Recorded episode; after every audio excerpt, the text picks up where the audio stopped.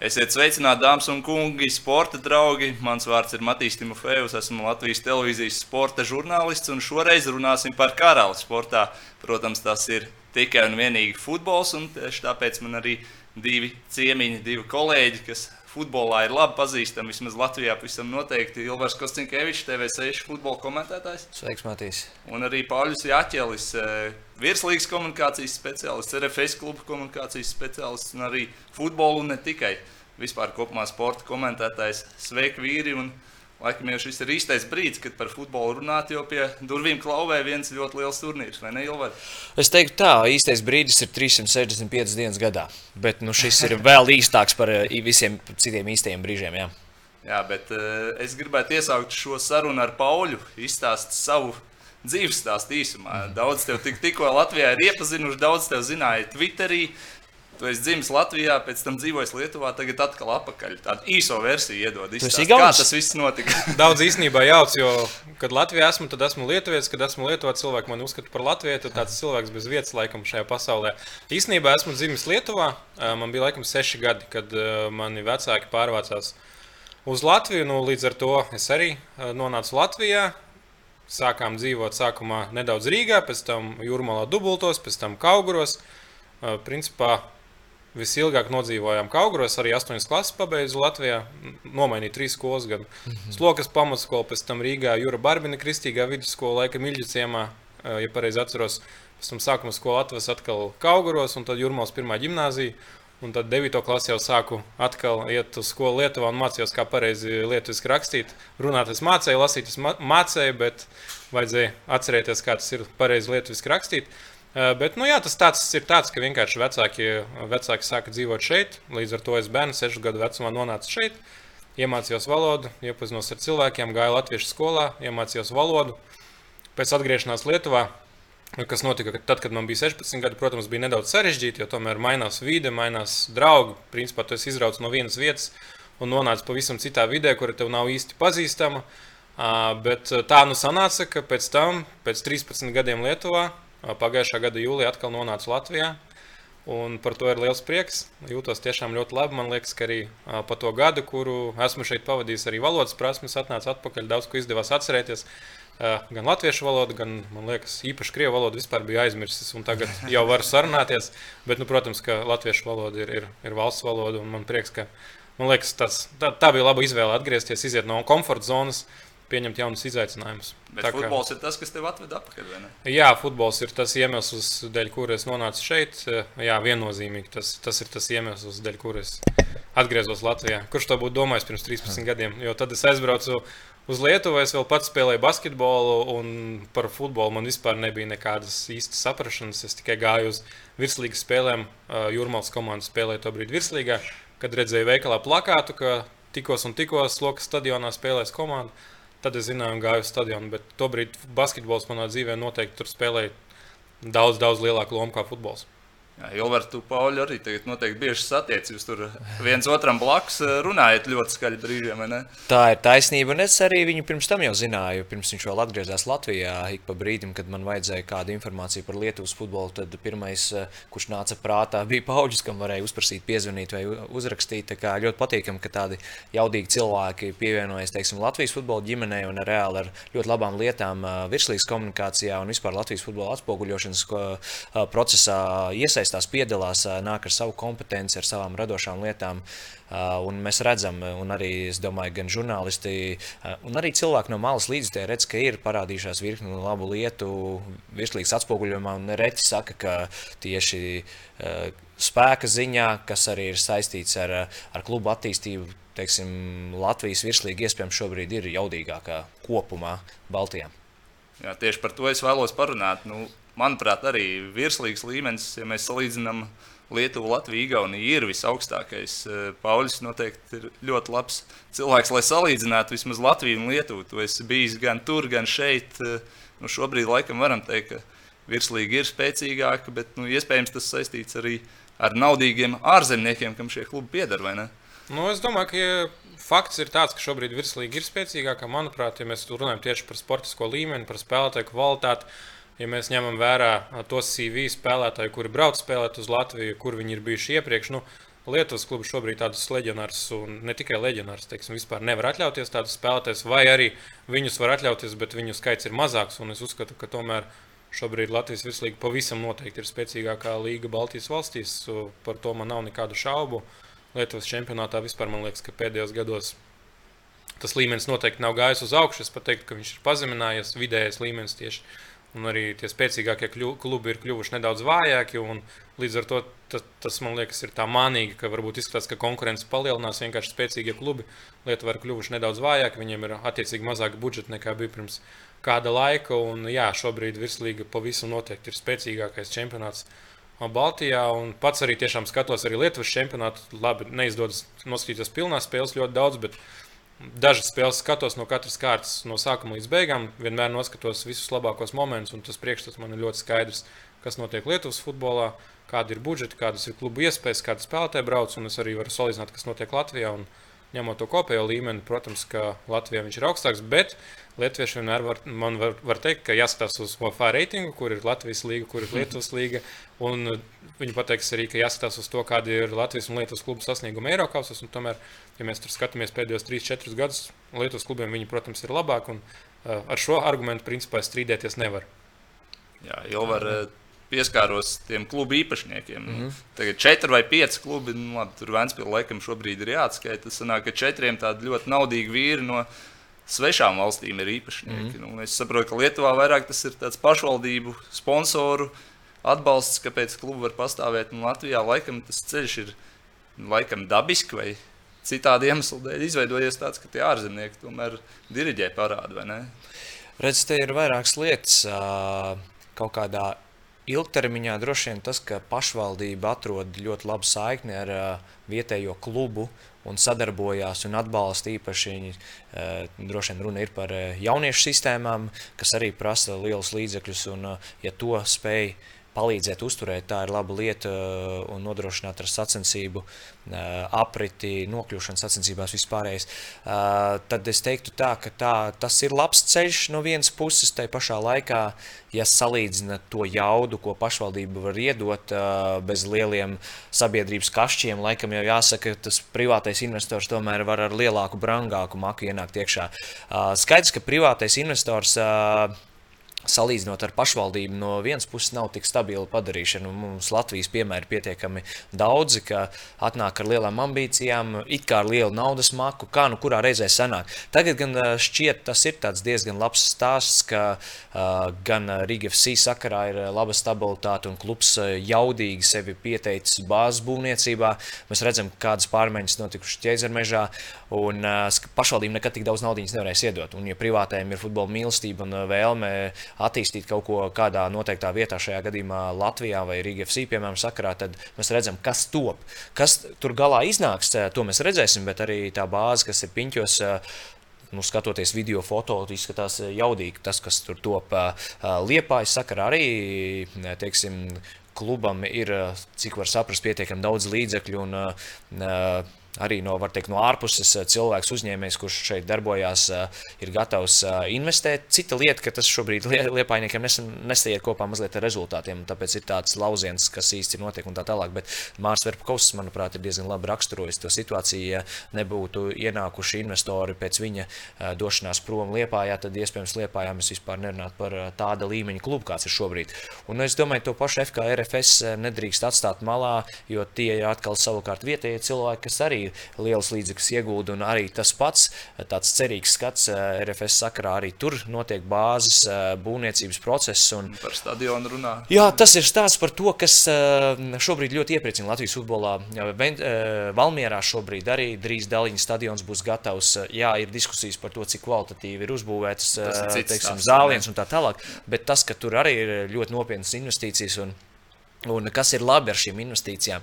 Atbrauc ārzemnieks, iegulda naudu, uzbūvē. Skaidrs, ka viņš to stadionu neizvedīs projām. Ne? Ja viņam kaut kas tā teikt, vienkāršā valodā sakot, nesaies, tad tā bāze tomēr šeit paliks. Protams, arī tie piemēri ir dažādi bēdīgi, jo atcerēsimies, bija Daugopils Daugava komanda, kas arī izveidoja bāzi ārpus pilsētas, uzvarēja 2012. gadā Latvijas čempionātā, un tagad gotiņas tur var ganīt un, un nesmaks no stadiona. Tā kā ne visi ir tādi labi stāsti, un tas ir tas stāsts, ja būtu būtu pašvaldība ilgtermiņā bijusi, teiksim, Daugo vai sabiedrotā, tad uh, droši vien tur stadions vai laukums tur ar vienu būtu bijis un viss būtu kārtībā. Pašvaldība droši vien arī iedot mazāk naudiņas, bet ilgtermiņā būtu tāds stabilāks atbalsts klubam. Uh, liels investors var uh, strauji kaut ko izdarīt, strauji pacelt Rīgu. Arī FC dažos gados pacēla augstu, RFS arī strauji ir uzgājis uz augšu.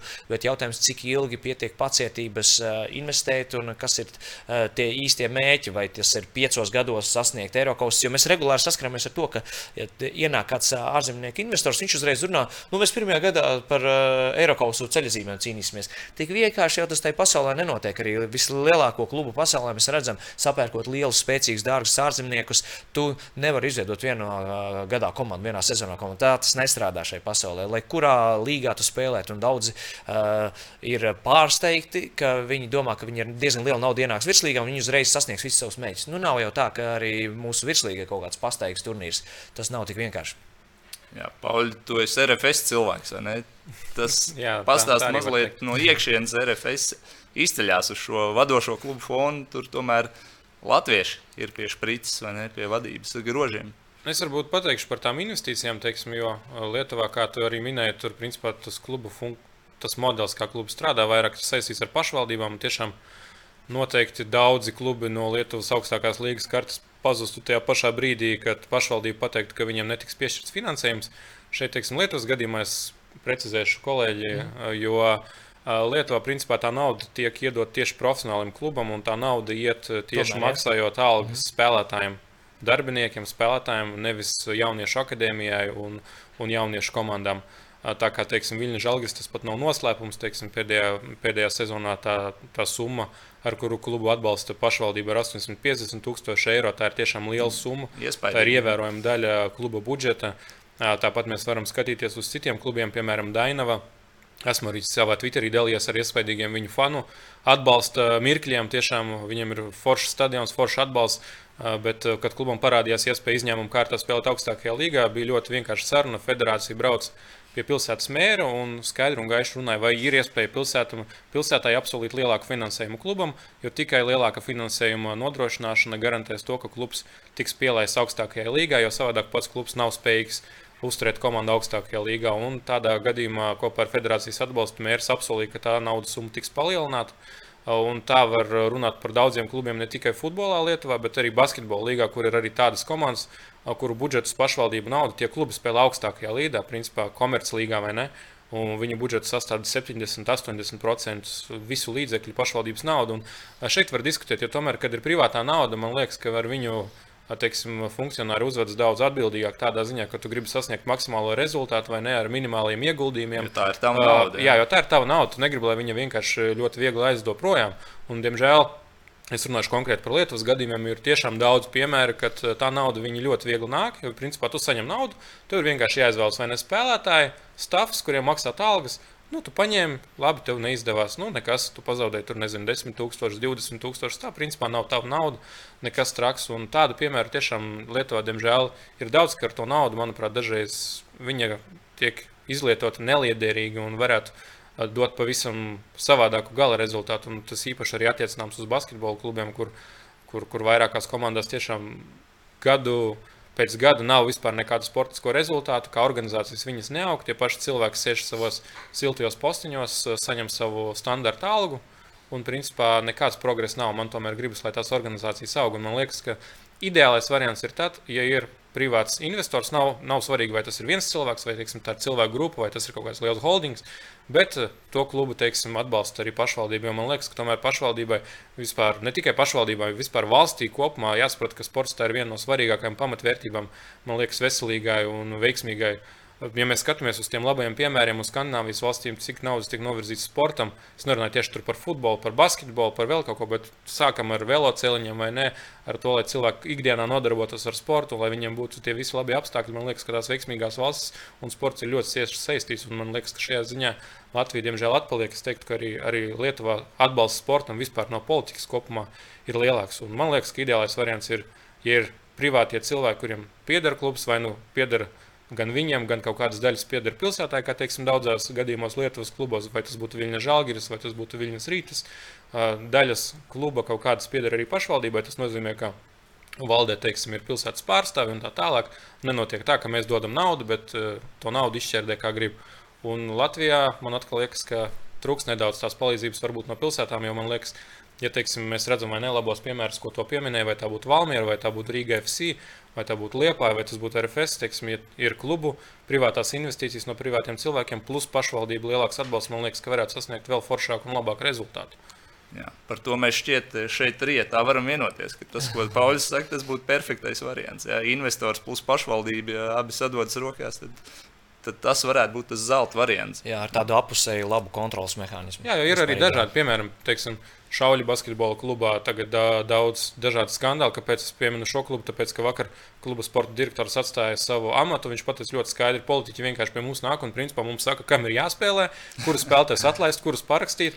Bet pašvaldība tur pašvaldības nauda veidojas. Tagad negribu samelot, bet vai 70% kaut kas aptuveni tādi ir skaitļi, 70 mm. vai 60% budžeta. Un, protams, ka tur uh, politiķiem ir arī teikšana, jo nu, klubs saprot, ka tā nauda ir vajadzīga. Tad tev ir kaut kādā veidā jāatrod tā kopīgā valoda, bet tev atnāk gandrīz vai pilsētas mērs un saka, ka šis ir slikts spēlētājs, tev jāņem cits. Nu, tas arī ilustrē, ka šis variants arī nav tas labais piemērs, ka klubs teiksim, var attīstīties un progresēt. Un līdz ar to man, vajag, man liekas, ka ir ļoti svarīgs svarīgs balans. Bet nu, man arī nedaudz ir dīvaini, teiksim, atnākušam no Lietuvas, kad es zinu, kā Viļņas pašvaldība atbalsta, teiksim, Viļņas Žalgira klubu, kuras divus gadus nostrādāja. Mēs tur, teiksim, klubs uzvar Lietuvas kausu, mūs uzreiz sagaida pilsētas pašvaldībā. Vienkārši uh, notiek atsevišķa ceremonija, kur uh, visi politiķi, pilsētas mērs pasaka uzrunu, apsveic, tev aplaudē, mm -hmm. un tā mhm. tālāk uztaisīt kopīgo bildi, tā tālāk. Un, teiksim, es redzu Rīgā, tas, ko dara Rīga FC, tas, ko dara RFS, ja būtu teiksim, līdzvērtīgas investīcijas futbolā Lietuvā. Nu, politiķi Lietuvā tos cilvēkus vienkārši nesātu uz rokām, jo tas, tas būtu zelta vērtē. Bet, teiksim, šeit it kā tie ir tikai daži simti kilometri no Lietuvas, un pavisam savādāk, vai ne? Tā, tā tāda atbalsta nav. Laikam un, esam blakus, bet mentalitāte atšķirās. Jā, mentalitāte, prioritātes. Un atkal runāju par to, ka tieši politika, sporta ziņā man liekas, ir savādāk. Man gribētos, lai, lai pamazām vismaz tas viss mainītos uz, uz to labo pusi. Mm -hmm. Jā, mums šis redzējums par tādu Baltijas raidījumu sāk izveidoties.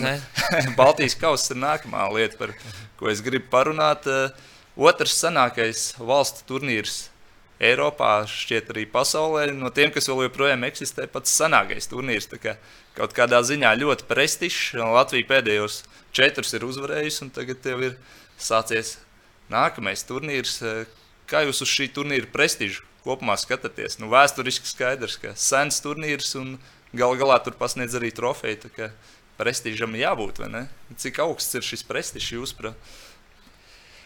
Zini, kā katru reizi, kad notiek turnīrs, uh, tas, ko es dzirdu tādā savā burbulī, ka Latvija visvairāk mobilizēsies šim turnīram, un Latvijai šķiet vissvarīgāk to uzvarēt, un kā kuru reizi citreiz Lietuva ir labākajā sastāvā, citreiz nav tik prioritārs izskatās tas turnīrs Igauniem līdzīgi, jo Igauni šad tad uh, pa vidu Baltijas spēlēm vēl aizbrauc uzspēlēt ar kādu pasaules grandu. Tagad mēs darīsim to pašu. Latvijas spēlēs pēc dažām dienām ar Vāciju un būsim līdzīgā situācijā kā Igauni, kuri var teikt, es ne, nepārmetot, bet kolekcionē lielās spēles.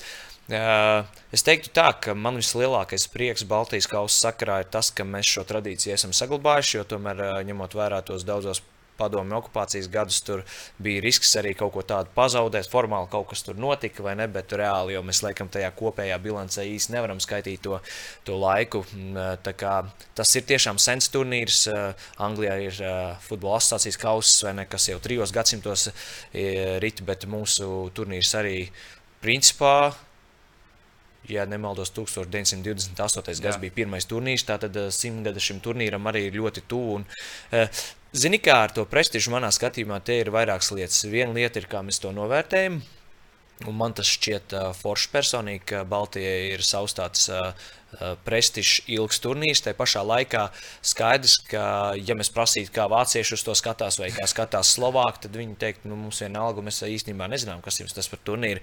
Skaidrs, ja, ja mēs būtu šobrīd mazliet citās pozīcijās, kaut vai pieminētā Slovākija, Polija, nezinu, Ungārija, mazliet cits stāsts, mazliet cita skaņa, tādā mazliet lielākā mērogā. Ja mēs skatāmies Eiropas futbola rangu, kas ir spēcīgs futbola rangs, par to nav šaubu, bet mēs visu laiku esam esam astes galā.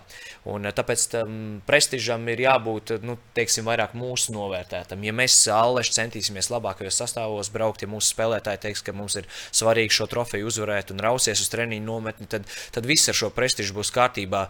Un tajā brīdī, kad notiks tas fantastiskais brīdis pēc pāris desmit gadiem, kad mēs būsim Eiropas top 10 izlase, tad mēs arī iedosim to skanējumu pavisam citu, jo tad arī lielie mediji Eiropā teiks, hei, Latvijas izlase tikko izcīnīja Baltijas kausu un ir labi sagatavojusies Eiropas čempionātam un tā tālāk. Kas zina, mēs, es redzu, Pauļus mazliet smīn, bet tā jau ir tā interesantā, tā jau ir tā interesantā pasaule, ka mēs nezinām, kas notiks. Šobrīd tas, ko mēs darām futbolā, šķiet, ka mums uh, Nav argumentu tur skriet pakaļ tam vilcienam, kurš ir pēdējos gados diezgan ātri aizbraucis no mums, un mēs tur mēģinām kaut kur skriet pakaļ. Tā pašā laikā uh, Islandai arī viņi izdarīja ko? Viņi izdarīja strateģisku soli, izveidoja ļoti daudz infrastruktūras objektu, uzbūvēja halles un pāris desmiti gadu, un viņi vienkārši, es atvainojos, pamāja rociņu, baltu lakatiņu Angļiem un Angļu izstājās no Eiropas čempionāta. Kurš pirms 20 gadiem teica, ka Islanda kaut ko tādu var izdarīt? Tāpēc es teiktu, ka, ja mēs pareizi strādāsim, mēs pēc 20, 30 gadiem varam būt ārkārtīgi stipri izlase Eiropā. Pareizi strādājot, veiksmīgi strādājot. Bet šobrīd, nu, jā, man laikam nav to daudzo argumentu, lai teiktu, ka tā tas noteikti notiks. Bet es ticu, ka tas var būt, ja mēs mazliet mainām fokusu un vispār pārskatām to, kā mēs skatāmies uz futbolu, un Pauļus ļoti labi uzsvēra, principā, kā mēs skatāmies uz sportu mūsu valstī. Tā ir vislielākā problēma. Sports mums visu laiku ir tālu no prioritātēm, bet tam ir jāmainās, jo visa pasaule visu laiku mums klauvē pie durvīm, kliedz un saka, klausieties, sports ir viena no prioritātēm sabiedrībā, valstī. Uh, Kamēr mēs to nemainīsim, mums nekas arī neuzlabosies šajā ziņā. Un atsevišķi talanti, kas var izcelties, uzspīdēt, un tie cer, būs vienmēr. Viņi cerams, ka būs, un eh, tie, tie var būt mūsu tādu mazo futbola sapņu piepildītāji, bet eh, es runāju par globālākām lietām. Tāpēc es arī teicu, Īslanda mēs esam nomuļājuši to piemēru līdz, eh, līdz apnikumam, bet tas ir piemērs, kas nostrādāja. Tāpēc nu, mums nevajag kā, nokārt galvas un rokas un padoties, ka labi, mēs būsim visu laiku pagarbā, bet mēs gribam izkāpt vismaz uz pirmo stāvu, uzkāpt varbūt uz otro. Pauļi Baltijas kausa Lietuvā. Kā lietuvieši to, uz to skatās un kā Lietuvas izlase, cik nopietni pieiet. Nu, Ilvars ir pieskārās, ka kā kuru gadu, vai ne? Tā arī ir to sastāvu. Jā, ir bijuši gadi, ka tiešām Lietuva atbrauc principā, nu, varbūt nevar teikt, ka tīri ar otro sastāvu, bet, teiksim, ar ļoti eksperimentālu sastāvu. Un, Tomēr jābūt realistiem daudziem spēlētājiem. Baltijas kausa nav primārais, un tomēr viņiem svarīgākās ir kvalifikācijas spēles. Un, teiksim, ņemot arī kaut vai šo gadu, tieši arī šodien bija satiksies ar vairākiem izlases spēlētājiem, iedzērām kafiju, aprunājāmies. Realitāte ir tāda, ka tomēr viņiem lielākajai daļai to līderu, kur spēlē ārzemēs, viņiem sezonas ir beigušās, viņiem bija teiksim, nosacīta nedēļa vai divas brīvas, viņi lidoja kaut kur atpūsties ar ģimenēm, ar draugiem. Uh, un futbols nebija viņu primārais mērķis tajā laikā. Līdz ar to viņi principā savācās kopā svētdien. Svētdien vēl nebija visi futbolisti treniņā. Viens pilnvērtīgs treniņš, un otrdien tu jau spēlē. Tas nozīmē, ka dažs labs spēlētājs sestdien vai piekdien kaut kur bija Dubajā, sauļojās, un tad tev pēc trim dienām ir jāspēlē Baltijas kausā. Līdz ar to es nekādā veidā negribu noneicināt šo turnīru. Es tikai gribu pateikt, ka tomēr kvalifikācijas spēles tas vienmēr ir tas svarīgākais, tas ir tas galvenais mērķis. Un Baltijas kausa tomēr ir tāds pārbaudas spēļu turnīrs. Man ļoti patīk tas, ko minēja Ilvars, ka tas ir tā, tā ir tāda forša tradīcija, kur man arī es ļoti ceru, ka viņi saglabāsies. Jo man personīgi tās ir, lai, lai arī tās ir tikai tādas pārbaudas spēles, man tās ir viens no pašām interesantākajiem uh, gadā jau arī futbolā. Tieši tāpēc, ka uzvarētājs man, tiek noskaidrots. Jā, turnīrā. un arī mana saikne zinot ar Latviju un Lietuvu, man vienmēr ir interesanti salīdzināt šīs izlases. Lai gan neskatoties uz to, kāds būs rezultāts, eh, es tik un tā nevarēšu pateikt, kur no tām izlasēm ir spēcīgāka. Ja tās ir kvalifikācijas spēles, tad man liekas, tur mēs redzam izlases, kuras spēlē par 100% ar maksimāli labākiem sastāviem, ļoti motivēts, jo tomēr tev ir sapnis iekļūt lielajā turnīrā, Baltijas kausā, pat ja tu uzvarēsi vai ne, nekas īpaši nenotiks. Tev nebūs kaut kādas iespaidīgas prēmijas, tu netiksi lielajā čempionātā un tā tālāk. Bet tās ir tradīcijas, tas ir vienmēr princips pierādīt, ka lūk, mēs, lietuvieši vai lūk, mēs, latvieši, esam spēcīgāki par saviem kaimiņiem, mēs esam labāki par viņiem un vienmēr gribu sadot kaimiņiem pa mizu. Man liekas, tas ir principiāli, tā tas ir bijis vienmēr un tā tas arī būs. Līdz ar to man personīgi tas ir ļoti interesants turnīrs. Es saprotu tos cilvēkus, kuri saka, nu, tas nav primārais un svarīgākais turnīrs. Nu, tāds Bet, ir fakts. Jā, jā tāds un, teiksim, daļai to, piemēram, Lietuva, Igaunija spēlē, un uh, to spēli varēja apmeklēt diezgan liels uh, skatītājs skaits. Bet, nu, man grūti pateikt, no otras, bet nu, maksimums tur bija 300 skatītāji. Tā kā tas arī daļai parāda, vai ne, ka tas nav tas interesantākais produkts šobrīd, kuru grib redzēt futbola līdzjutējs. Kad būs kvalifikācijas spēles, to skatītāju Lietuvā būs ļoti daudz, un parasti stadioni ir vairāk vai mazāk pilni. Nu, protams, cik tas stadions tur ir 5000 Lietuvā, Nacionālais stadions, diemžēl ar sintētisko segumu. Bet, nu, Baltijas kausa nav pats interesantākais arī skatītājiem, bet man liekas, tiem, kuri seko futbolam, ir ļoti interesanti. Plus, tev arī parasti ir iespēja Baltijas kausā redzēt tos spēlētājus, kuri ir ļoti tuvu izlasē. Viņi saņem kaut kādas savas minūtes, viņi var parādīt, uz ko viņi ir spējīgi. Jā. Un, starp citu, vēl gribu piebilst, ka, cik saprotu, piemēram, Lietuvas gadījumā federācija ļoti svarīga uzvarēt Baltijas kausā. Par to vienmēr runā ar spēlētājiem. Viņus cenšas motivēt ļoti skaidri. Arī treneris Valdes Urmanas preses konferencē pateica, ka mērķis ir viens - tikai uzvarēt. Entos gadus esam zaudējuši Latvijai un esam izcīnījuši Baltijas kausu. Ir pienācis laiks, bet nu, Lietuva aizvada spēli ar Igauniju, zaudē mājās. Un tad viss saprot, ka to kausu izcīnīt ir gandrīz vai neiespējams, vai nu, tas būs ļoti grūti. Jā, Ilvar, tu jau pieminēji, pa vidu ir Vācijas spēle. Atceramies iepriekš, jā. ar ko tik Igaunija nav spēlējusi. Itālija, Portugāla, Zviedrija, Norvēģija regulāri. Uz Tallinu, jā. Jā, jā, jā. Tā, kā, tā kā tur ir bijusi tāda zvaigžņota plējāda viņiem pārbaudas spēlēs. Un Latvijas federācijai arī to bieži ir pārmetuši. Nu, mēs spēlējam ar Melkanu, labākajā gadījumā ar San Marino, Gibraltāru. Bet tagad Latvija, Vācija. Nu, pēdējos gados varbūt pat vispār tāds pretinieks pārbaudas spēlēs nav bijis. Nu, Brazīlija bija savulaik, bet nu, tomēr pēdējos gados tas ir liels notikums pa vidu Baltijas kausa spēlēm. Ja skatāmies no pārbaudas spēļu rakursa, tad šī ir skaļākā spēle absolūti jā, pēdējos 20 gados. Principā, nu, nu, jā, iepriekšējā skaļākā gan arī tā var teikt, ka bija Brazīlija 99. gads.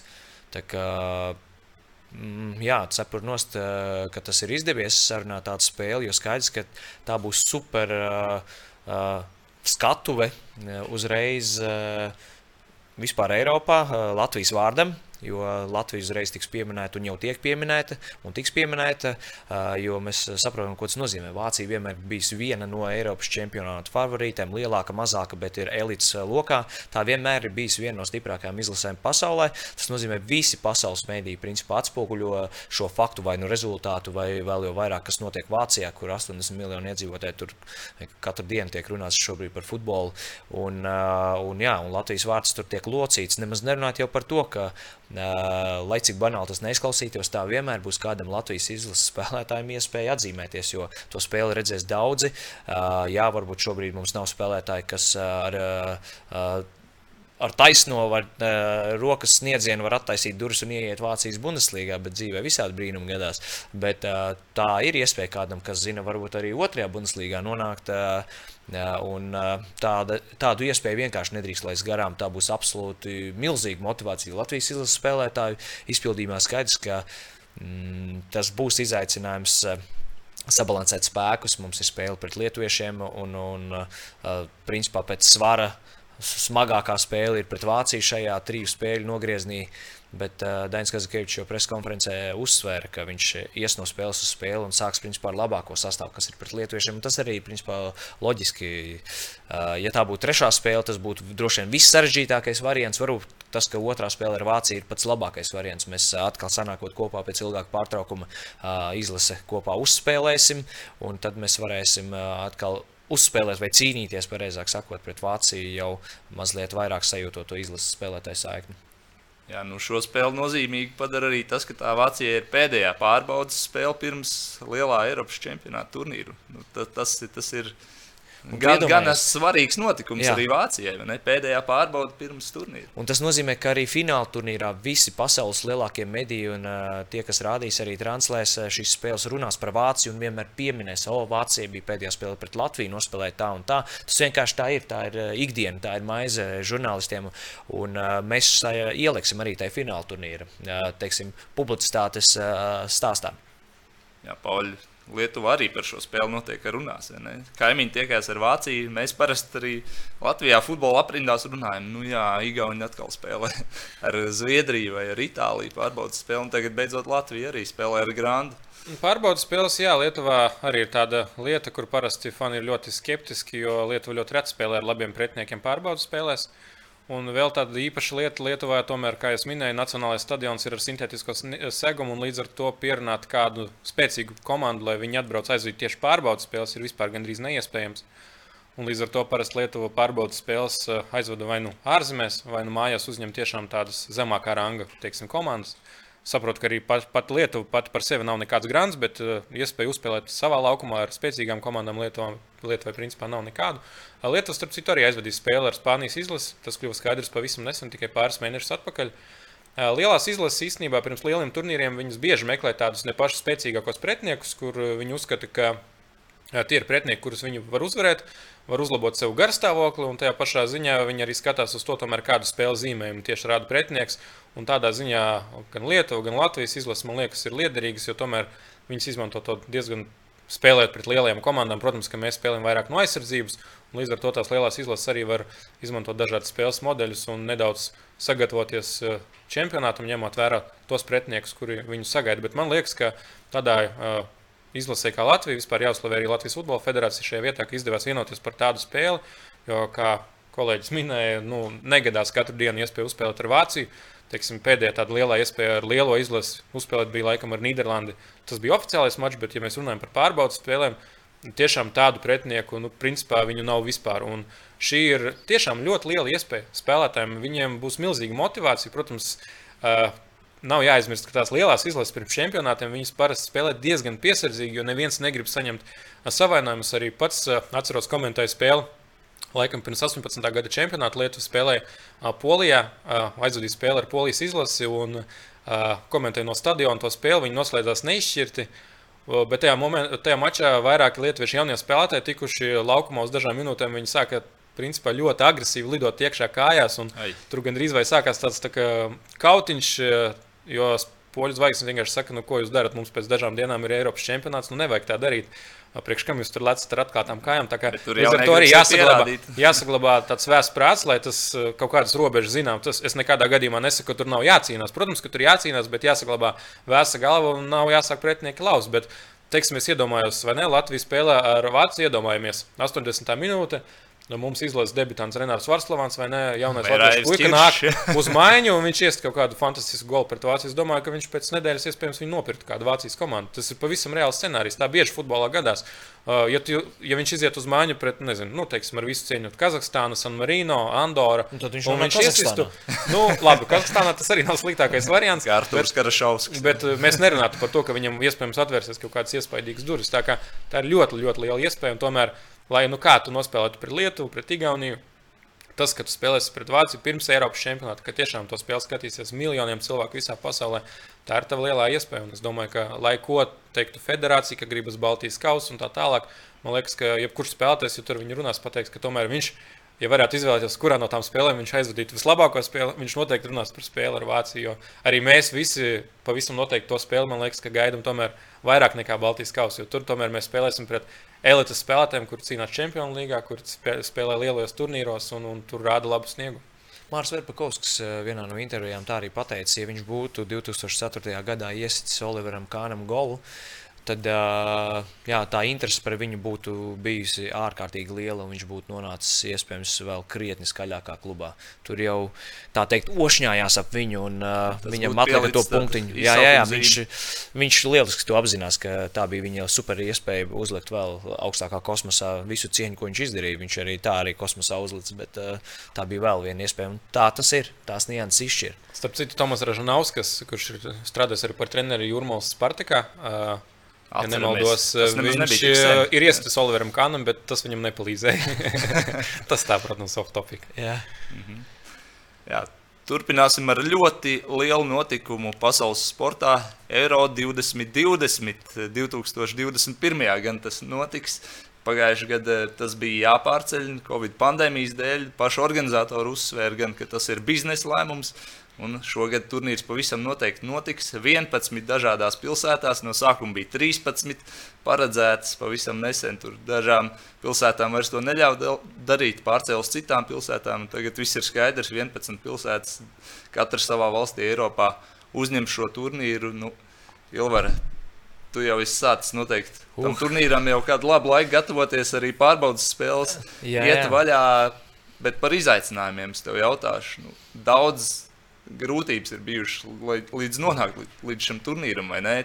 Tur tas problēmas netrūk. Kas attiecās uz gatavošanos, tad jā, es teiktu, ka visa tā, man vismaz ir praksa. Pirms lieliem fināla turnīriem visa tā iepriekšējā sezona ir jau kā liela gatavošanās, jau atliekot daudz informācijas malā un to izvelkot ārā no plaukta tieši pirms fināla turnīra. Jo visādi fakti parādās interesanti un tā tālāk, kas pēc tam fināla turnīrā noder.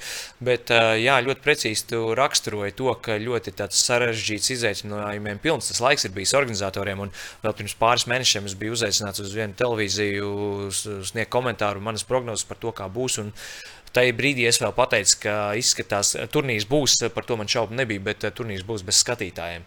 Bet eh, mēs eh, Paldies par laimi pieredzam to, ka pēdējos mēnešos, un īpaši pēdējās nedēļās, tā situācija ar vakcinācijas tempiem un pandēmijas mazliet ierobežošana ir krietni gājusi spēkā. Līdz ar to šobrīd tā situācija ir daudz, daudz, daudz labāka. Un pēdējie piemēri arī nacionālajos čempionātos, un tas bija apzināti arī UEFA rīko, rīkotos turnīros, ka pārbaudīja, kā tas ir, kad skatītāji ir klāti. Jā, viena trešdaļa vai viena ceturdaļa stadiona aizpildīta. Tas šobrīd izskatās, ka tas strādā un tas ļaus tiešām baudīt futbolu daudz labākā atmosfērā. Un arī UEFA Champions League fināls tas bija spilgts piemērs, ko var iedot futbolam skatītāji. Spēlētāji man šķiet spēlēja mazliet citādāk, vēl ar lielāku sirdi laukumā, drosmīgāki viņi bija. Viņi tāda sajūta bija, ka viņi gribēja iepriecināt to skatītājus, kas Nu, bija tas klātienē. beidzot bija īsts futbols. Super skatāms fināls bija, un uh, atmosfēra viss, un uh, man kā komentētājiem tā arī bija medus maize, kad uh, varēja baudīt visu to kopumā. Pats tā kā uz adatām sēdi, varbūt pat pārāk daudz tās adatas bija. Es, es tajā brīdī uh, blakus, uh, blakus tev ar kolēģi tieši komentēju basketbola spēli. Un es, mans mērķis bija neuzzināt rezultātu. Un iedomājieties, es komentēju ar austiņām. Un es tik un tā dzirdu, kā viņi tur kliedz. Kad bija minūtes pārtraukums, es vienkārši bāzu pirkstus ausīs, lai neko nedzirdētu. Un izgāju ārā pēc tam, pēc nokomentētās spēles ar austiņām, lai neuzzinātu rezultātu. Un izdevās noskatīties eh, finālu divos naktī. Mājās mierīgi nezinot rezultātu, bet tiešām bija dusmīgs uz, uz jums visu laiku. Starp citu, jā, par tām emocijām. Nu, es ieslēdzu to spēli, un es redzu, ka skatītājs nu, man kaut kādas emocijas uzreiz vienkārši uzreiz, Es pat neteiktu, ka spēle pati par sevi bija super skatāma, ja mēs ņemam vērā tieši izveidotos momentus, cik iespēja komandām bija gūt vārds. Bet, ja skatītāji, cik daudz viņi dod tādā nozīmīgā spēlē, pat ja tur nebūtu momentu, man liekas, jau skatītāji klātbūtne, tas ir pats par sevi tāds fundamentāla lieta, ko mēs jau esam nedaudz aizmirsuši. Labi, mēs tagad pamazām redzam, ka nedaudz tur NBA teiksim, atgriežas skatītāji arī Eiropā, kaut kur viņi jau nāk ierobežotā skaitā. Bet, uh, jā, tas Champions League fināls bija kaut kas super. Un tas, ka Eiropas čempionātam arī būs līdzjutēji, vienos stadionos vairāk, citos mazāk. Bet, uh, jā, tas, tas ir tāds super. Tas pavisam cits futbols, tomēr pavisam cits futbols. Tu Latvijas skaties vai Lietuvijas Uh, finālu? Būšu, būšu godīgi, es vairāk tomēr skatos lietuviski. Okay. Pagaidām. Aptuveni man proporcija ir tā, es divas spēles noskatos ar lietuviešu komentētājiem un vienu spēli ar latviešu komentētājiem. Lai, Bet nu, finālā lietuviski. jā, finālā uzticējos. Zināju, ka jūs tur daudz klieksiet. Zini, kā divi naktī tomēr gribās tā mierīgi pēc tam mierā ielaisties. Jā, pēc tam kaimiņi atnāks man tādu dusmīgu. Jā, par skatītājiem jau daudz runājām. Tā UEFA nostāja bija tieši tāda, ka jārīko valstīs, pilsētās, kur drīkstēs nākt skatītāji. Tas minimums būs 25%, bet būs arī 100%. Ungārijā, Budapeštā 61,000 būs stadionā. Nu, tie tomēr, ja vēl pirms kāda laika bija šaubas, vai tie tiešām būs futbola svētki, kā mēs esam pieraduši, nu, tagad mēs varam tiešām teikt skatītājiem, jā, tie būs svētki vai ne? Uh, interesanti, ka tieši šodien man uh, zvanīja kolēģis. Nu, viņš saka, tev ir 5 minūtes laika pateikt, vai tu gribi 23. jūnijā Budapeštā uz spēli starp uh, Franciju un Portugālu. Es paskatījos savu kalendāru, sapratu, ka man nav nekādu iespēju uh, dēļ darbiem tikt uz to spēli. Jā, bet, uh, piemēram, biļešu cena ļoti saprātīga. 75 eiro. Tu vari vienkārši paņemt un mierīgi tos biļetes nopirkt. Ko tu nepiezvanīji Un, man, ā, es būtu aizbraucis. Un, jā, par 75 eiro tu vari nopirkt biļeti uz tādu mega spēli stadionā, Jā. kur ne, nav nekādu ierobežojumu. Lai gan kas ir ļoti interesanti, man māsa tieši mācās Ungārijā. Uh, Ungārija tiešām ir principā aiztaisīta ciet, tur tik tagad, ja, ja tev nav būtisku iemeslu, gandrīz vai nav iespēja. Bet, uh, ņemot vērā valdības mīlestību pret futbolu, Ungārijā tur uz Eiropas čempionātu, ja tev ir biļete, tu vari doties un, un tev tāda iespēja būs. Žēl, ka tur nav vēl lielāks stadions, lai arī tur ir liels stadions. Īstenībā tas, kas notiek Ungārijā ar futbola infrastruktūru, ir kosmos. Tur pat mazos ciematos, kur otrās, trešās līgas komandas viņam būvē jaunu stadionu, bet tas viss ir principā par valsts naudu. Bet, nu, tas atsevišķi, atsevišķi tēma. Jā.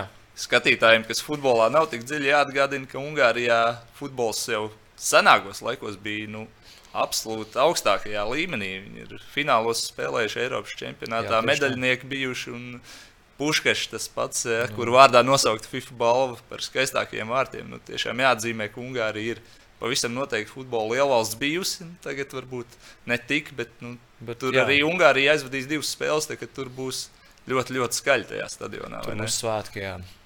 Varam tikai apskaust Ungārus, jā, absolūti.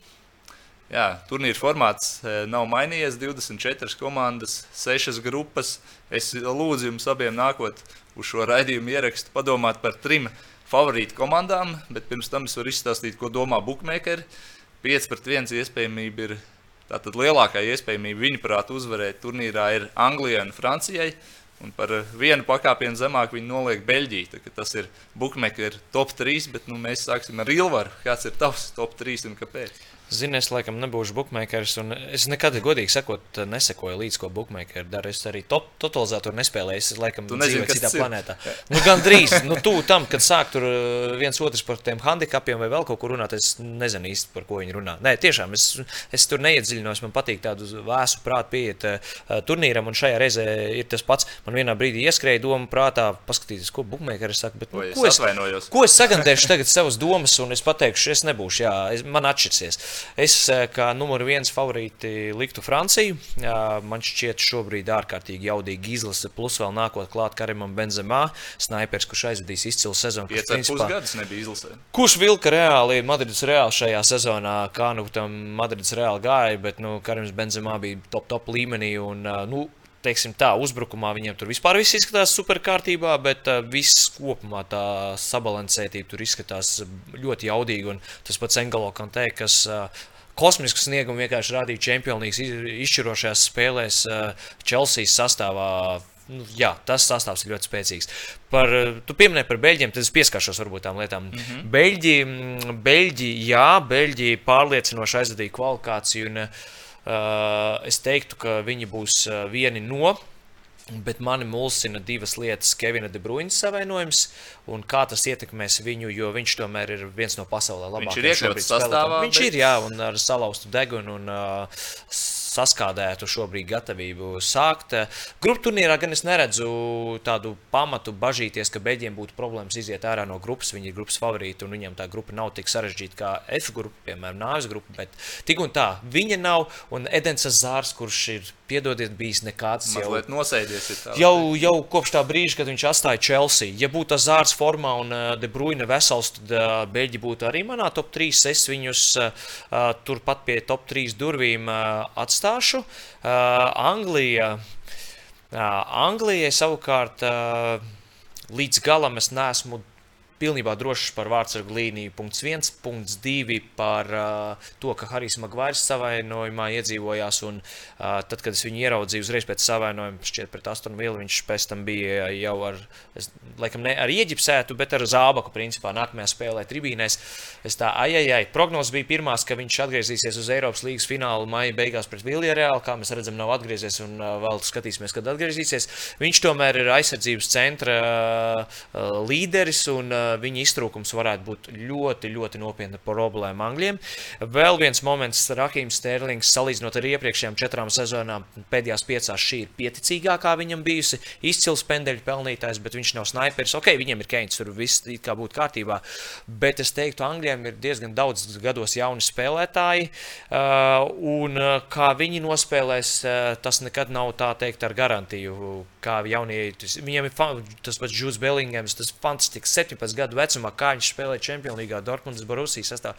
Nu, tu skaties un brīnies. Un nopietni. Tā lieta, ka viņiem tāda ļoti daudz spēlētāju ap 20 gadu vecumu. Jā, jā, viņiem ir jauni un uh, spēlētāji. Un tad, ja man pasaka, ka Angļu jaunība pret Vācijas uh, mazliet lielāku pieredzi noliek pretī, tad es uh, vairāk laikam jau uz pieredzi sāku svērties. Tātad Francija numur viens. Es teiktu, ka man baigais tāds lielais jautājums, ja Spānija ļoti solīdi aizvadīja kvalifikācijas ciklu, viņiem arī pamatīgi nomainījusies izlase sastāvs. Jautājums ir par vārdsarglīniju. Tagad Sergio Ramos izkrita ārā ar savainojumu, un tas ir super zaudējums. Bet, Uh, Spāņiem tā grupa ir mazliet vieglāka, un tā dažreiz ir, ka, ja sevi pārāk nenosita tajā grupu turnīrā, tad pēc tam mazliet vieglāk tev turpinājumā. Jo kas Var ir svarīgi? Tie, kas gaitā. smagnēji sāk, nu tā pieredze rāda, tie, kas smagnēji sāk uh, uh, un iet ar līkni uz augšu, tie beigās tur pusfinālā ir vismaz.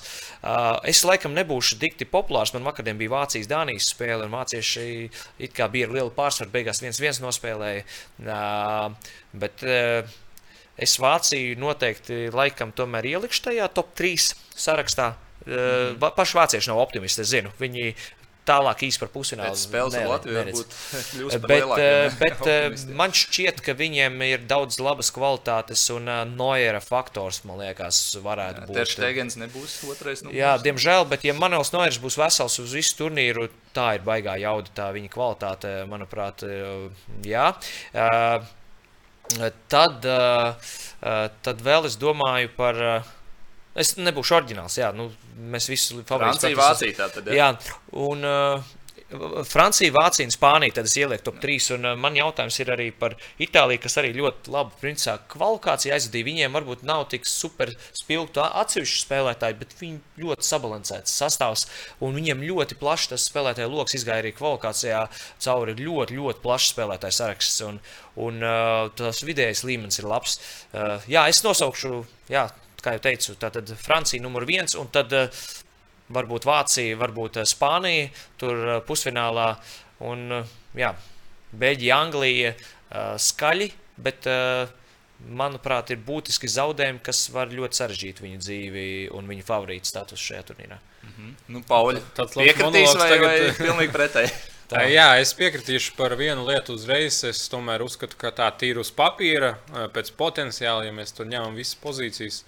Es teiktu, ka Francija ir favorīts uz papīra. Tas nenozīmē, ka viņi uzvarēs, bet man liekas, ka nu, tiešām iespaidīgs, jaudīgs sastāvs. Tas, kas Francijai tagad ir uzaugusi, tie spēlētāji, nu, viņi ir tādi mazie monstri, kuri var, man liekas, pieveikt pilnīgi katru komandu. Ja tā ir viņa diena, tad vienkārši var, man liekas, sagraut pat principā jebkuru pretinieku. Nu, tiešām super laba komanda. Un, jā, es piekrītu, ka viņi uz papīra favorīts numur viens.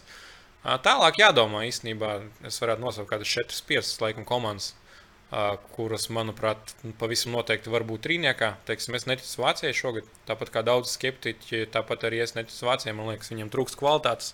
Jā, kaut kādās vietās viņiem ir pieredze, bet tomēr, ja mēs skatāmies uz to sastāvu, nu, būs arī tādi spēlētāji, teiksim, kuri varbūt nespēlē tādu līmeņu klubos un tādas lomas, kuras tajās pozīcijās spēlēja futbolisti iepriekšējos čempionātos lielajos. Bet tas nenozīmē, ka viņi nevar teiksim, pārsteigt un tik ļoti tālu. Tomēr Bundesliga ir labs turnīrs. Jā, Es Vāciju jāpieskarās, piedod, eh, ka galvenajam trenerim pat nācās mainīt savas domas par Hummels un Milleru. Pirms pāris gadiem viņš viņus kopā ar Boteņu pateica, paldies, vīri, mēs pārbūvējam sastāvu. Tagad pirms šī turnīra viņš saka, nu nekad nav par vēlu pārbūvi beigt un atgriezties pie iepriekšējā modeļa. Zini, kā Tas arī par kaut ko tā ir ļoti laba īpašība atzīt savas kļūdas, ka Jā. kaut kur tev nebija taisnība. Man tādi cilvēki īstenībā ļoti patīk. Jā. Uh, no tām komandām, kuras tu nepieminēji, es ļoti ticu Portugālei. Jā, nāves grupa, jā, tur, tur būs ļoti interesanti tajā grupā. Katra spēle tur būs mežonīga, jo tas, ko tu minēji, vai ne? Ungārija mājās pie 60 tūkstošiem skatītāju, tur mm -hmm. nevienam nebūs viegli. Un viņam būs nenormāli liela motivācija, bet es uzskatu, ka Portugālē tomēr ir diezgan labs un kvalitatīvs sastāvs. Es ticu šai komandai. Man liekas, ka viņi varētu tikt līdz pusfinālam. Es ticu. Mhm. Un, jā, tā laikam ir vienīgā komanda no tām, kuras tu nepieminēji. Tiksim, Par Angliju es piekrītu, ka varbūt kaut kur trūks pieredze, bet tomēr tiešām labs sastāvs. Jo par Angliju vai nevienmēr ir liels hype. Visi runā, vai tagad Anglija kļūs par pasaules čempionu, tagad Anglija uzvarēs Eiropas čempionātā. Šogad pavisam noteikti mēs jau pavisam noteikti kāpsim tur, vai ne? Un pirmā vieta būs mūcis, bet beigu beigās viņam kaut kas pietrūkst. Ja mēs skatāmies uz pas pēdējo pasaules čempionātu, nu tiešām bija interesanti komanda. Bija prieks viņu skatīties. Tās visas standarta situācijas, cik viņi bija spēcīgi. Tur, protams, Magvaira faktors bija milzīgs.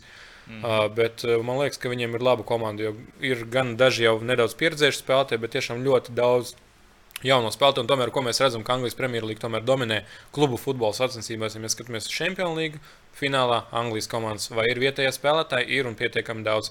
Mēs skatāmies Eiropas līnijas finālu, tur arī viena Anglijas komanda un netrūk daudz vai ne, lai, lai fināls arī varbūt būtu. Angļu. Tā kā es ticu šai komandai, es domāju, viņi arī var pusfinālā būt pavisam noteikti un var arī iespējams cīnīties cīnīties par titulu. Beļģija, man liekas, arī tas, ko tu minēji, tu vienmēr visu pasaki priekšā, bet Debruinas faktors ir milzīgs. Jo tomēr, manuprāt, viens no labākajiem planētas futbolistiem un atkarībā no vai viņš būs labā formā un būs spējīgs rādīt to futbolu, ko viņš sezonas gaitā demonstrēja City, vai viņš nebūs spējīgs. Man liekas, no tā ir ļoti atkarīgi rezultāti. Jo tomēr, lai cik talantīga tā komanda būtu, tomēr laukuma vidusdaļā viņa loma ir ļoti milzīga un ļoti nozīmīga. Un, man liekas, ja De Bruyne nebūs spējīgs spēlēt uz 100%, man liekas, automātiski uzreiz visas akcijas šeit čempionātā Beļģijas izlasē stipri pazeminās, jo tomēr viņš veido visu to saikni uzbrukumā. Viņš veido visu spēli, visi iet caur viņu gan klubā, gan izlasē. Viņš ir līderis arī viens no līderiem ģērbtuvēs, līdz ar to ļoti svarīgs spēlētājs. Tā kā jā, es varbūt vienīgais pielikt Portugāli, noņemt no šī saraksta Vāciju, bet tas ir, es esmu ļoti slikts eh, prognozētājs. Parasti tas, ko es pasaku, nekad nenotiek. Mm -hmm. jā, jāpiemina tie spēlētāji, kas diemžēl nebūs Ramos. Mēs jau pieskārāmies. Eh, Zlatans Ibrahimovičs arī bija aizgājis no Zviedrijas izlases, atnāca atpakaļ, bet arī viņš, diemžēl, nespēlēs. Arī Virgils Van Deiks. Nu, viens no arī planētas pavisam nesen no labākajiem, ne tikai aizsargiem, bet kopumā futbolistiem jā, arī jā. nebūs. Šie ir tie spēlētāji, kas iztrūks, bet nu, būs arī tie, tā jaunā paudze, kas nāk iekšā. Anglijā vien jau tur, tur būs ļoti daudz, tādu 17, 18, 20, 21 gadus. Pagaidā tāda paudžu maiņa arī, protams, kā jau visos turnīros, bet šis varētu būt izteikts, ka tie jaunie nāks iekšā vai ne? Jā, nu, mēs redzam, kas notiek. Kas ir tas futbols, kas ļoti labi strādā pēdējos gados. Skatāmies, 2019. gadā Champions League uzvarēja Liverpool ar superskrienošu futbolu. Tagad es teiktu, ka Chelsea ar superskrienošu futbolu, respektīvi, ka laukumā tiek izdarīts ārkārtīgi liels apjoms. Un skaidrs, ka 23 uh, gadīgam jaunietim to ir vieglāk izdarīt nekā 36 gadus vecam pusargam. Nu, tā tas ir. Tie ir tie noteikumi, ko mūsdienu futbols diktē. Ja tev nav četras plaušas, tad jau tu gandrīz vairs nevari būt futbolists. Kā, ļoti interesanti pieskarties Virģilam un Deikam. Uh, Mēs Nīderlandi principā nepieminējām. Es piekrītu par Portugālu absolūti. Es, es vienkārši nepieminēju. Tāpēc, nu, visus nevar pieminēt. Visus, tik, tik daudz jau jānosauc komandas, visi, bet Nīderlandi mēs nepieminējām. Tur ir eh, zināms pamats ar Van Deiku un bez Van Deika. Tās ir divas atšķirīgas komandas. Kā dažreiz tas vārdsargs nebūs. Arī. Eh, vārdsargu pazaudēja tagad Covid dēļ. Un, uh, arī skatoties uz Nīderlandes izlases rezultātiem, es tagad negribu samalot, pēdējās 12 spēlēs man šeit četras uzvaras. Nu, tas arī pasaka, ka viss īsti nav kārtībā ar šo izlasi. Nu, tā ka viss iet kā smērēts, tā gluži nav. Tāpēc, jā, Nīderlanda nav favorīta pulkā, lai arī. Nu, Mēs zinām, Nīderlanda ir Nīderlandē. Ja Memphisam ir lielā diena, tad. Tieši tad gribēju pieminēt, Memphis Depais ir tas, kas velk to komandu pēdējās spēlēs. Ir jau citi arī spēlētāji, tā pašā, ja Barcelonā spēlē, ja Juvē spēlē spēlētāji skaidrs, bet, ja mhm. skatās individuāli, kādas ir tās sezonas bijušas, tad uh, nav deliktam arī vai uh, Frankiem De Jongam, varbūt spēļu skaits De Jongam ir praktiski gandrīz maksimālais La Liga turnīrā, bet uh, tā kvalitāte un tā ķīmija īsti nav vēl sā saāķējusies tur. Un, uh, nevar teikt, ka jūtās jau kā zivs ūdenī tajā komandā. Un, un tas ietekmē arī, protams, visu pārējo pēc tam, kā tur nonāca un kādā noskaņojumā nonāca izlasē un, un tā tālāk. Tā, kā, tā ir nu, arī Latvijas izlase, cepurnos Latvijas izlasē, kas nepieļāva lielu sagrāvi Nīderlandē. Bet uh, tas, ka Nīderlanda nespēja pārvērst eh, daudz labu momentu vārtos, eh, tas norāda, ka tur ne viss ir kārtībā. Tā pati Beļģija, mēs sakām, ka De Bruynes faktors, jā, ja De Bruyne ir vesels, viņiem ir Lukaku, kas ir apbrīnojams šobrīd uzbrukumā, viņiem ir Kurtuvā, viņiem tāda centrāla asa, kā man patīk teikt, vārdsargs, viens centra aizsargs, centra pussargs un uzbrucējs. Ja četri spēlētāji ir izcilā formā, tad tā ir ļoti jaudīga centrāla asa, kas, kas var nu, dot arī rezultātu.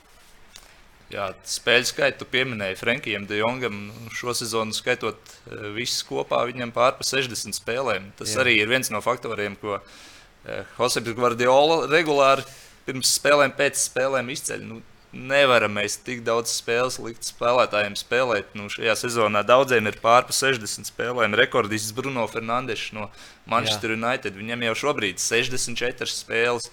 Nu, Pareiķinām paši, jūs, jūs to labāk zinat. Eh, nacionālais čempionāts, viens kausa, otrs kausa, eiro kausa izlase. Kā jūs uz to skatāties? Nu, tagad vēl Eiropas čempionāts. Tā kā būs Jā. tiem vadošajiem tur 70 spēles jau sanāks. Man liekas, vispār pēdējā laikā ir tiešām dažreiz rodas tāda sajūta, ka tomēr tās lielās organizācijas, lielie turnīri cenšas izspiest finansiālu maksimumu. un dažreiz spēlētāja intereses paliek otrā plānā. Bet man liekas, ir jāizdomājas arī par vienu lietu, ka tad, kad to spēļu skaits palielinās ar katru gadu, krīt kvalitāte. Jo tiem spēlētājiem tomēr vajag atjaunoties. Un, principā, ar divām, trim dienām ir, ja tu sezonā jāizvada 65 spēles, tas ir nenormāli liels skaits. Un tās slodzes tikai palielinās spēlētājiem, un arī paši spēlētāji viens skaļāk runā par to, ka nu, varbūt nevajag mums tos pasaules čempionātus tik pēc diviem gadiem, par ko tiek runāts. Ka varbūt nevajag mainīt formātus uh, lielajos turnīros un palielināt spēļu skaitu, jo tu tāpat visu naudu, kas ir pasaulē, nopelnīt nav iespējams. Un tomēr jāsaglabā varbūt arī kvalitāte, lai cilvēki vienkārši novērtē to produktu, kas ir futbolā. Man liekas, ja tas spēļu skaits ir nedaudz mazāks, bet tās spēles ir kvalitatīvākas, cilvēki viņas vairāk gaida, un līdz ar to ir lielāka ažiotāža. Ja tās spēles, teiksim, tas superlīgas projekts, nu labi, visi domā, ka tagad spēlēs labākie ar labākiem un būs super interesanti, bet tur jau ir tā lieta, ka, ja tur Champions League tur spēlē sešas reizes savā starpā, pēc tam uzreiz playoff un tā tālāk, tā ir viena lieta. Ja tu spēlē 30 spēles savā starpā, tā jau kļūst ikdiena, un cilvēks vairs to nenovērtē. Līdz ar to man liekas, ka tiešām tās lodziņas, kuras šobrīd futbolā ir tajā tieši lielajās līgās, kad klubi spēlē tur Kausā, FA Cup, Karabao Cup, Champions League vai ne, vai tā būtu Eiropas līnija. Principā tu spēlē par 4-5 klubiem un vēl tev vasarā jāpārstāv izlases. Tās lodziņas ir tik nenormāli liela, ka man liekas, ka vēl vairāk plānoto spēļu skaitu nav iespējams. Un, jā, es domāju, ka arī, pas, ka arī Eiropas čempionātā cietīs kvalitāti, runājot par tādiem spēlētājiem kā Fernandes un citiem, jo vienkārši fiziski to pavadīt var būt tiešām ļoti grūti. Jo viņi praktiski šie spēlētāji, kas spēlē lielajās izlasēs, gan uh, nacionālajā turnīrā daudz, viņi tālu tiek Eiropasos. Uh, viņi uzreiz brauc uz fināla turnīru. Rēķinam, fināla turnīrs beidzās 11. Jā, jūlijā. Uh, tad viņiem praktiski nedēļa ir atvaļinājums, un viņi jau gatavojas nākamajai sezonai. Tāpat Premjerlīga sākās jau uh, augustā. Kā, nu, jā, konferenču līnijas kvalifikācija jau sākas principā 8. un 15. jūlijā Eiropas konferenču līnijas kvalifikācija. Tas principā dažam labam spēlētājiem tur var naktis gandrīz vai pēc čempionāta jau uzreiz doties uz klubu. Un... Čarter reizes uzreiz uz, uz spēli. Spēles Bet, nu, vismaz labi tādā ziņā, ka tie lielie klubi jau saprot, un pēc tiem lieliem turnīriem parasti tiem spēlētājiem iedod kādu papildus nedēļu, lai viņi jā, vienkārši brauc, neko nedara, jo savādāk viņi saprot, ka, ka nu, nav, nav reāli pavilkt tās visas lielās slodzes tādā ziņā. Jā, arī ceļošana būs izaicinājums. Nu, ja salīdzinām ar iepriekšējo pasaules kausu, varbūt tur bija līdzīgi. Krievijā starp tām pilsētām bija jālido, bet to arī turnīra organizatori uzsver, nu, ka tagad būs ļoti maz laika, lai atjaunotos. Jo pēc spēles ir jālido uz citu valsti visticamāk. Tad ļoti mazs laiks atjaunošanās procesam paliek. Tas arī būs faktors šajā čempionātā, ka tas spēles ir izsvaidīts pa visu Eiropu. Tas ir varbūt mazais plusiņš, kuru es, vai arguments, ko es atstāju pie Vācijas izlases, jo Vācijas izlases trīs spēles aizvadīs Minhenē. Mājās, pazīstams stadions, tiešām šī ceļ, ceļošana izpaliks. Citiem ir no Eiropas jālido, nu, lai piedod Azerbaidžānai. Viņi arī varbūt domā, ka viņi ir Eiropā, nu, tad varam strīdēties. bet citam uzreiz Baku jālido un pēc tam jālido atpakaļ. Iedomājies, kāda ir tā. tā tā slodze pēc spēles, ka tu gribi tiešām atjaunoties, atpūsties, pāriest un gulēt. Nē, tev jau jādomā, cik tu, tu celsies, vai uzreiz tu jau lido, gan arī džakūzī jāsēž tev lidmašīnā. Nu, tas tas nav, nav vienkārši. Un tām, kam ir mājas spēles, tām ir izlasēm noteikti priekšrocība. Es pavisam noteikti piekrītu, ka tā ir liela priekšrocība. Tām izlasēm, kurām būs jāceļo mazāk, manuprāt, tieši tādās 50-50 spēlēs, kur vai ne tiksies diezgan līdzīga līmeņa komandas, tur tieši tādas mazas detaļas, kā teiksim, vienai komandai īsāks lidojums, otrai garāks, vienai vairāk laika atjaunoties, otrai mazāk, man liekas, var nospēlēt eh, izšķirošo lomu. Arī to bieži cilvēki varbūt nenovērtē no malas. Viņi jau ieslēdz translāciju vai ne tā spēle jau jā, jā. notiek. Visi ir komandas ir uz vietas, tu jau neredzi, kā viņi tur lido, kā viņi dodas uz viesnīcu, kā viņi varbūt tur neizguļas tik daudz, cik viņam vajadzētu un cik, cik vajag organismam. Bet, bet tas viss ir jāņem vērā. Iesprūst lidostā vēl kādreiz. Un... Nu, tagad gan jau, protams, es domāju, tāda problēma nebūs. Tur visi čārteri un tā tālāk. Bet, jebkurā gadījumā, ja tev jālido uz Baku, tad tas jau ir tāds nopietns izaicinājums. Tā jau tā nav viena stunda. Tā ir. Jā. Jā, šis varētu būt faktors arī nāves grupā. Nu, es ne, nelikšu jums izvēlēties. Tur skaidrs, ka nāves grupa ir F, Ungārija, Portugāla, Francija, Vācija. Un Ungārija divas spēles spēlē Budapeštā. Tas varētu būt faktors, ka tā nāves grupa kļūst vēl nāvīgāka. Nāvīgāk tā varētu kļūt. Pilnīgi piekrīt, pilnas tribīnes. Jā, jācer, ka tā tas tiešām arī būs. Un, Man visu laiku ir iekšēji sajūta, ka kāda komanda paklups pret Ungāriem. Nu, respektīvi, būs neizšķirts tajā es tieši- spēlē. es tieši tas tāpat- arī izšķirs tur, to grupu. Ungāri diez vai būs augstāk par ļoti cienījamo ceturto vietu tajā grupā, lai arī kas zina. Uh, no augstāk par trešo vietu es neredzu, ka viņi varētu uzliekt. Bet uh, tā bieži vien ir tas fokus nāves grupēs, ir tik milzīgs uz tām komandām, kas ir uh, favorītas, ka sava, savā starpā viena otru piesit, un, un tad beigās tur sanāk tā, ka nefavorīts izlien. Tur vienīgi Ungāriem tas viens no supertalantiem ir, uh, diemžēl, izslēgts no izlases traumas dēļ. kā, Sabos slāņā. Ja? Jā, jā, jā, tik sarežģīts uzvārds, ka es Es beidzos. pat nezinu, kā viņi pareizi iz- izrunāt lietas. Jā, tā arī ir. Bet es arī varētu, laikam, ja kāds cilvēks man prasītu, vai tu esi gatavs sadarīt, ka Ungārija atņems kādai no komandām punktus, es teiktu, jā, vismaz vienai komandai, es domāju, mājās uz emocijām, varbūt ne uz meistarību, bet, bet var. Viņi ir spējīgi to izdarīt. Uz emocionālu meistarību. Jā, un tad tā komanda, kur attiecīgi zaudēs punktus pret Ungāriju, tas viņam ļoti dārgi varētu maksāt. Jā. Pieskārāmies spēlētājiem, kur nebūs uh, MVP.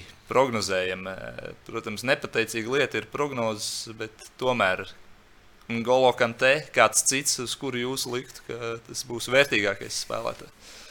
Nezinu, kāpēc pirmais man ienāca prātā Mbappé, bet um, mm, zinot tas, ka viņš ir Francijas izlases pārstāvs un Francija ir favorīte uh, uz to virzienu, es liktu. Nu, ja Kantē spēlēs tā, kā viņš uh, spēlēja tagad Champions League pusfinālā, finālā, tad, uh, tad viņam ir visi argumenti, lai būtu labākais. Jā. Garš turnīrs līdz finālam grūti pateikt, kuras izlases tiks. un Līdz ar to tās, tās 6, 7 spēles arī ļoti daudz ko pateiks par to, kurš tur būs labākais, kurš spīdēs visvairāk. Pauļu. Es teiktu, ka, ja mēs runājam par MVP, parasti tomēr skatās uz tiem spēlētājiem, kur gūstas vairāk vārdus.